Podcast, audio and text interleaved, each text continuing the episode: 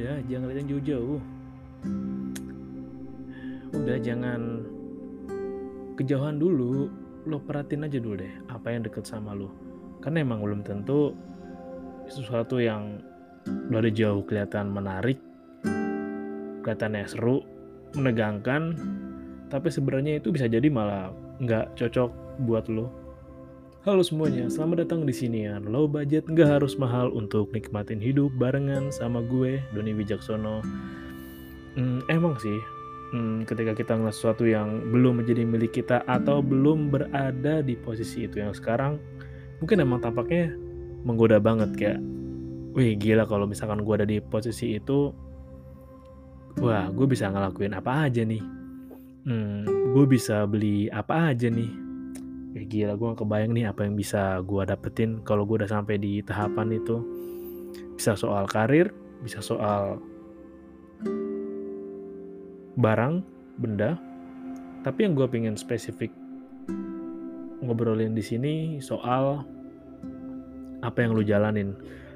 Ya karena emang ada kan orang ngebayang bayangin gitu? Gue bayangin deh kalau misalkan gue menjadi pengusaha sukses gue bisa ngapain aja ya gue kebayang nih kayak tiap hari meeting meeting meeting tanda tangan tanda tangan gitu kan. Kalau mau beli apa apa gampang tinggal tunjuk tinggal tunjuk tinggal beli tinggal beli nggak perlu lihat harga waktu beli cek gitu kan. Ya bisa flexing gitu. Atau kalau misalkan lo ngebayangin kayak oh gue bayangin bayangin kalau misalkan gue jadi atlet lari gimana ya? Wih gila. Seru banget kan. Kayak gue jadi idola terus gue terkenal dikenal banyak orang juga. Atau misalnya lu bayangin kayak wah kalau gue kalau gue jadi pemain band terkenal seru kali ya. Tur ke mana-mana gitu kan jalan-jalan wih keliling kota di Indonesia. Wih banyak temen party-party gila lu. Yang namanya jadi anak band keliling Indonesia kan party terus guys. Sampai tepar guys. Sampai puyeng guys. Sampai gumo-gumo guys. Dan bisa jadi ya sesuatu yang wow kelihatan emang menarik banget. Sesuatu yang buat lo exciting. Bisa nggak nih gue nyampe ke tahap itu? Atau uh, bisa nggak ya gue ada di posisi itu kayak dua tiga atau lima tahun nanti? Tapi emang bisa jadi hal yang kelihatannya wow yang lu imajinasin itu belum tentu baik buat lo malah sesuatu yang deket sama lo itu bisa jadi yang bener-bener cocok dan terbaik buat lo karena emang masih banyak sih hal-hal yang deket dengan kita tapi emang kita nggak ngeh nggak ngeh kayak kita belum sadar nih ada lo di dekat gue di dekat lo. Cuman gue emang lebih fokus ngeliatin apa yang ada jauh di depan gue. Ya kalau bahasa peribahasanya itu kalau nggak salah gini deh. Gajah di ujung eh semut di ujung mata terlihat namun gajah di pelipis mata tidak terlihat kalau salah gitu sih peribahasanya. Jadi artinya ya sesuatu yang lu lebih merhatiin sesuatu yang jauh sesuatu yang berada di luar jangkauan lo sementara sesuatu yang deket sama lo yang benar-benar besar itu lo abaikan karena lo emang fokus ke hal yang jauh itu. Karena emang hal yang deket itu kan sebenarnya hal yang udah kita punya udah hal yang kita miliki atau bahkan emang hal yang kita kuasai. Ya emang sih emang kita seringnya emang lebih seneng jadi hal yang jauh dari kita kayak itu bisa jadi kayak kebanggaan buat diri sendiri. Ya pencapaian buat kita lah ya selain bisa buat diri sendiri bangga keluarga kita bangga orang pesaing kita bangga atau segala ya buat prestasi diri. Tapi emang seperti tadi gue bilang jangan-jangan itu bukan hal yang pas atau sesuai buat kita kayak gini deh. Kayak tadi kan soal cita-cita. Kayak banyak kan orang-orang yang ketika lo kecil pasti suka ditanya nama guru nih. Nanti kamu kalau udah gede mau jadi apa? Terus lu angkat tangan kayak aku mau jadi pilot bu. Aku mau jadi hmm, pengusaha baja bu. Hmm, aku mau jadi tukang kayu terkenal bu. Aku mau jadi atlet UFC bu. Itu kan di Indo apa sih? Atlet one ya bukan UFC iya itu deh kolnya ya nggak apa-apa. Cuma emang pasti emang itu bener-bener apa yang beneran lo mau. Karena bisa jadi yang lo mau ini misalkan aku mau jadi pilot aku mau jadi astronot aku mau jadi astro boy akan aku mau jadi saudagar. Dan ternyata itu hanya di sebatas kemauan lo bukan hal yang benar-benar ya. Lo ingin ya kan? Mau sama ingin tuh dua hal yang berbeda kan? Jadi itu emang bukan bidang atau skill lo yang sebenarnya. Karena emang gini gue jadi teringat deh sama sama videonya Om Ded. Jadi kayak emang kalau lu sempet ya lihat lagi aja obrolan Om Ded sama Kang Taufik Hidayat. Jadi kan ada momen di mana pas uh, Om Ded Om Ded nanya tuh ke Kang Taufik uh, Kang dari sekian banyak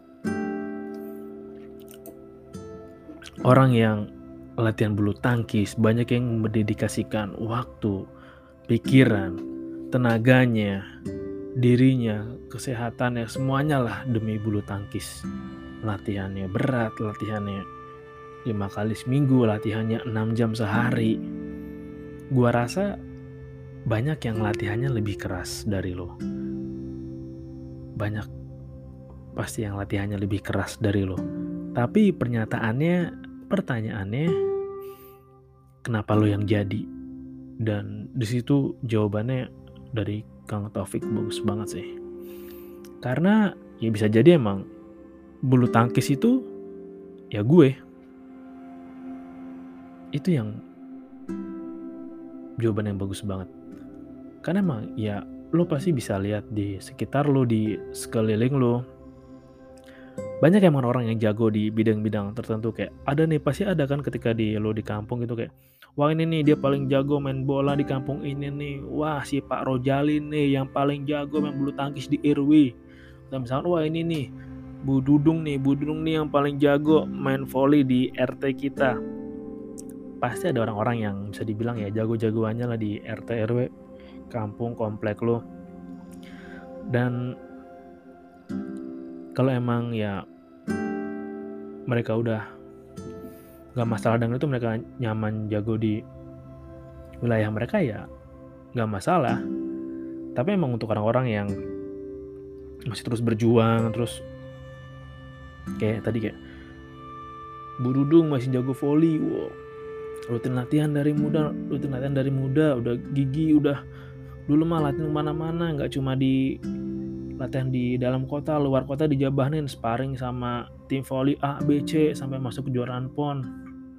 Tapi emang belum dapat hasil yang dimau. Itu bisa jadi dan ini emang opini gue bisa jadi yang pertama kegigihan lo emang lagi diuji sampai lo siap.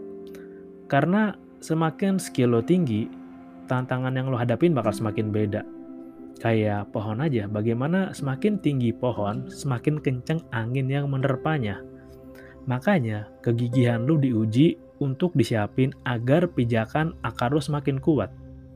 Emang kalau misalkan pohon, lu misalkan pohon yang gede itu pohon apa sih? Pohon oak ya. Misalkan pohon oak itu 200 meter.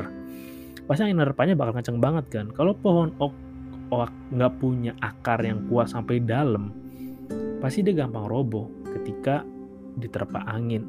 Bagi angin yang nggak begitu gede. Makanya emang kegigihan lagi diuji lebih kegigihan ke ke dalam diri lo yang akar lo lagi diuji seberapa kuat sih akar lo mau tertanam di bawah sampai bener-bener lo siap menjadi pohon yang bener-bener kuat, bener-bener kokoh, bener-bener gagah dan gak bisa dirobohin oleh angin kuat sekalipun.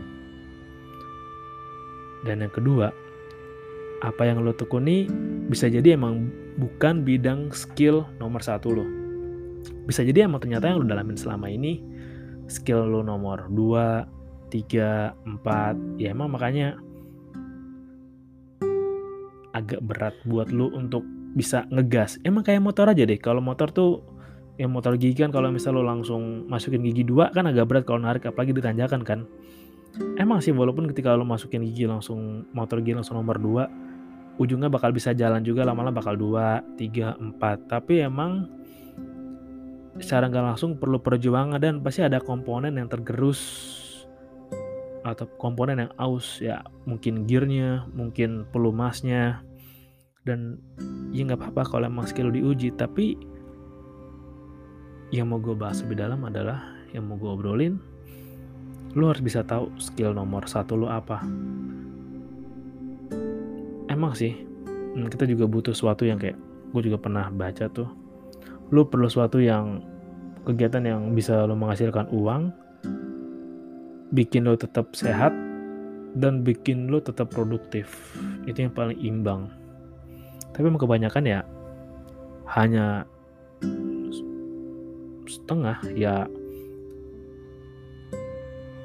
kembali lagi emang nemuin skill yang pertama susah. Ya masih lebih baik lah lu punya skill yang diakuin di tempat tinggal lu tempat nongkrong lu atau ya komunitas lu. Daripada yang lu lakuin cuma setengah-setengah.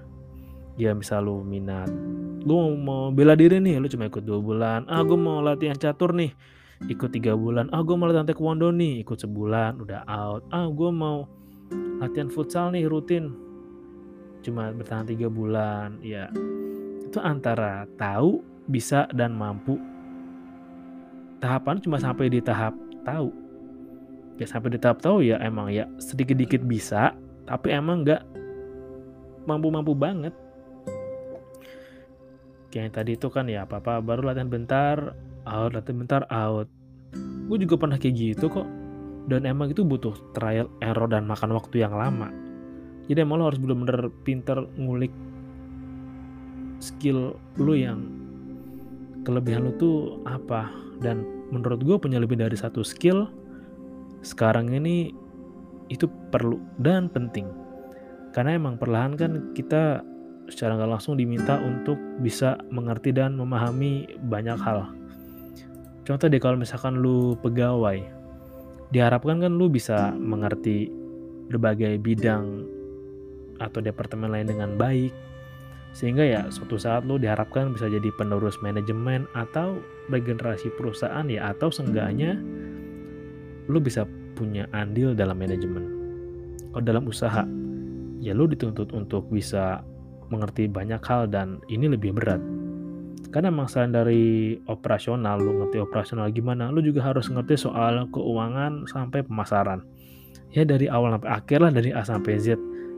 Karena emang ya nasib usaha lu maju ke depannya gimana, naik turunnya gimana, ada di lu sebagai pemilik dan di tim lu sebagai pelaksana. Ya, karena di dunia pendidikan gitu juga kan ya untuk lu bisa lulus dalam sekolah misalnya kayak di UN lu harus punya nilai bagus di beberapa nilai di mata pelajaran tertentu kayak misal lu IPA berarti lu mesti bagus di bahasa Inggris, bahasa Indonesia, matematika, IPA itu kan emang ada harus beberapa nilai yang harus lo penuhin untuk lo bisa lulus. Tapi emang untuk sekarang menemuin nemuin kembali apa yang deket dari lo dan jadi ini tuh sesuatu yang bisa lo asah entah bener-bener sampai lo bener-bener kuasain atau emang ada pengetahuan pemahaman dan bener-bener lo ingin gali lagi itu bukan hal yang gampang sih karena kalau lo udah udah mulai terjun di dunia nyata kan ya lo harus bisa bagi waktu, bagi tenaga, bagi fokus juga. Dan emang gak gampang sih. Makanya gue juga sempat kemarin ke trigger waktu, gue juga sempat ke trigger trigger sedikit sih waktu nonton konten yang ada salah satu konten kreator yang bilang ya, lu di umur 25 lu masih belum tahu lu mau ke mana, lu mau apa. Lu hidup dari umur SD SD udah mulai ngerti lah SD sampai umur 24 lu ke mana aja dan ngapain apa yang lu lakuin dalam hidup lu? Lu ke mana aja? Lu ngapain aja? Kenapa? Lu udah mau 25 tapi lu nggak tahu mau ke mana. Bahkan yang lebih parah adalah ketika lu udah mau menjelang 30 tapi lu masih nggak tahu mau ngapain lu nggak tahu kelebihan lu apa dan lu masih berkutat pada dunia lu sendiri.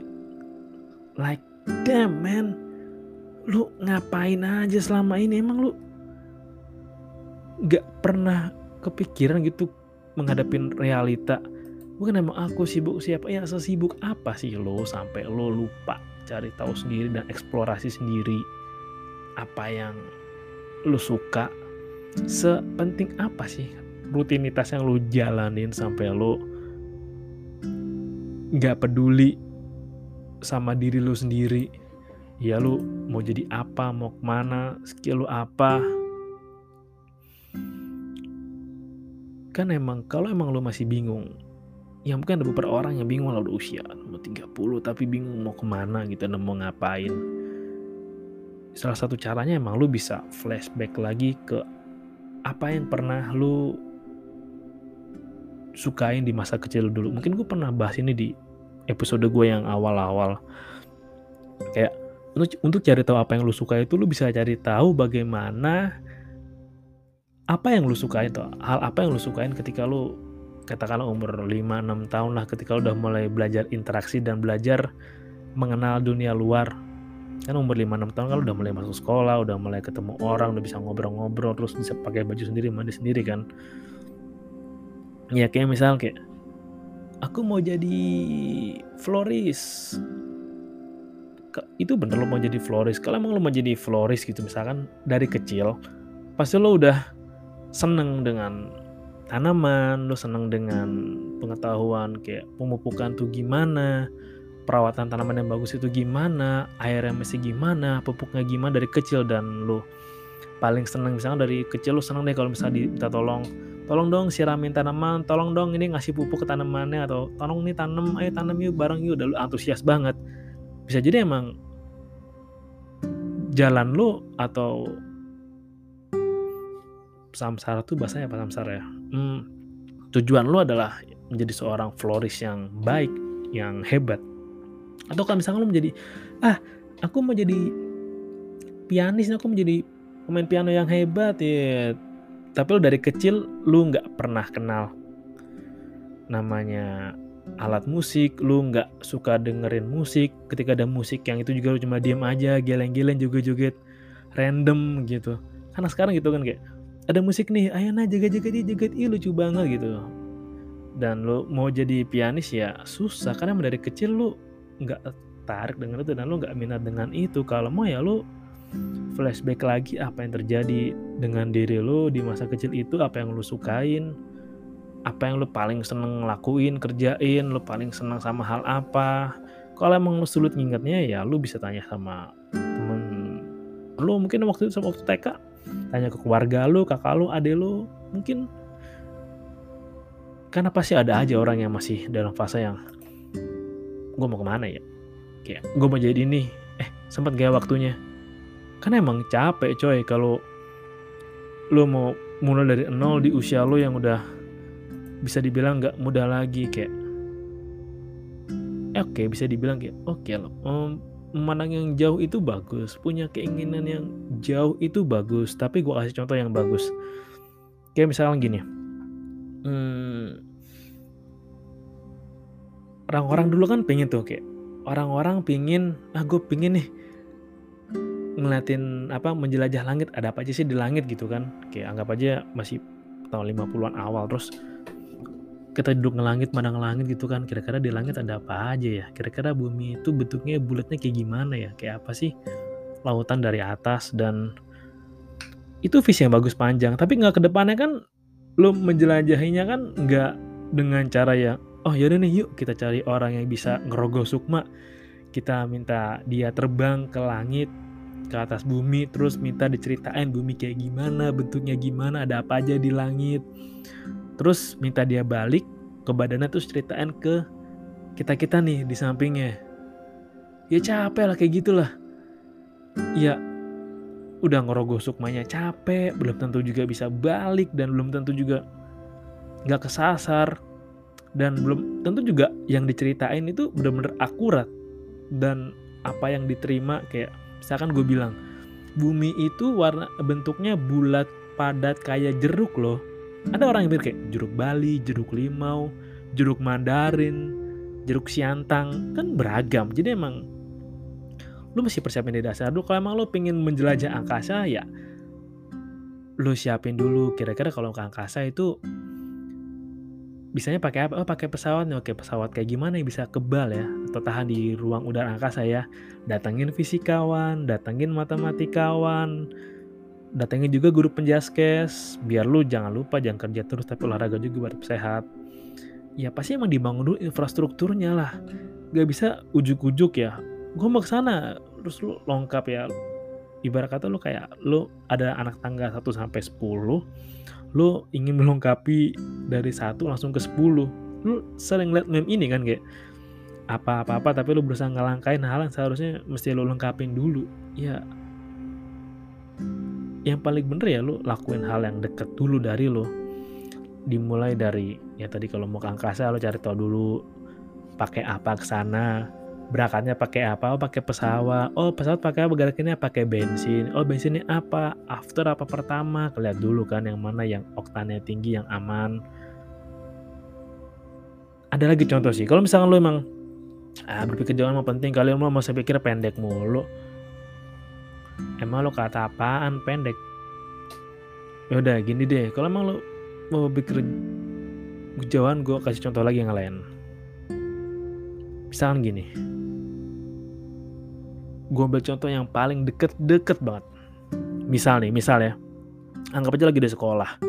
Lo kembali ke masa SMP lo. Di SMP lo ini ada tiga kelas. Satu angkatan lah. Lo kelas 3 ada 3A, B, sama C. Dan lo ada di kelas 3A. 3A.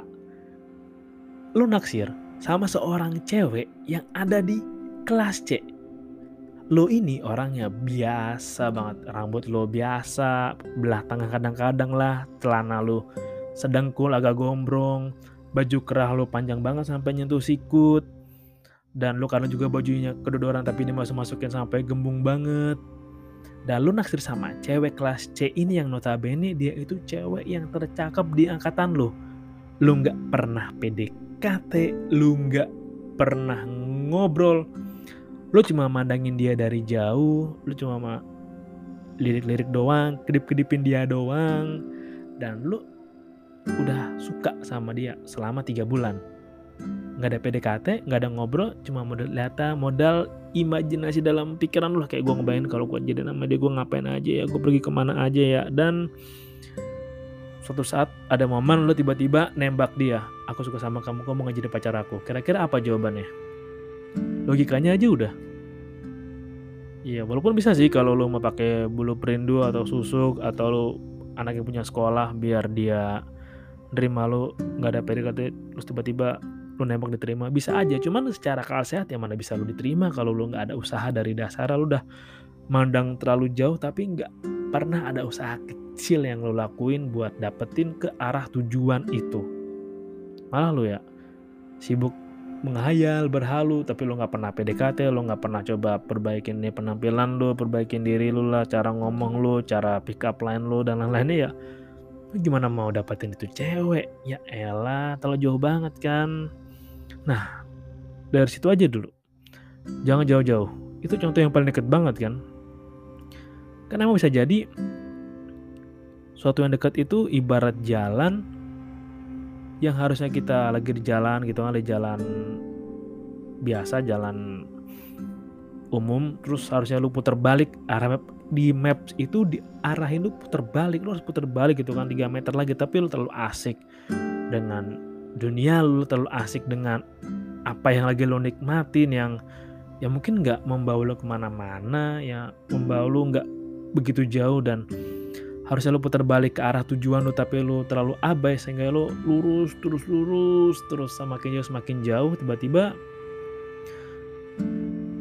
lo nggak pernah ketemu jalan putar balik itu lagi. Atau kalau misalkan ketemu itu jalan putar baliknya jauh banget dan untuk bisa putar balik susah banget itu makanya kalau emang lo ingat sesuatu jangan terlalu jauh. Cari sesuatu yang dekat dengan lu sesuatu yang bahkan ada dalam diri lu dan lu harus pelan-pelan pelajarin hal apa itu yang deket deket buat lu penting buat lu dan hal itu yang lu suka.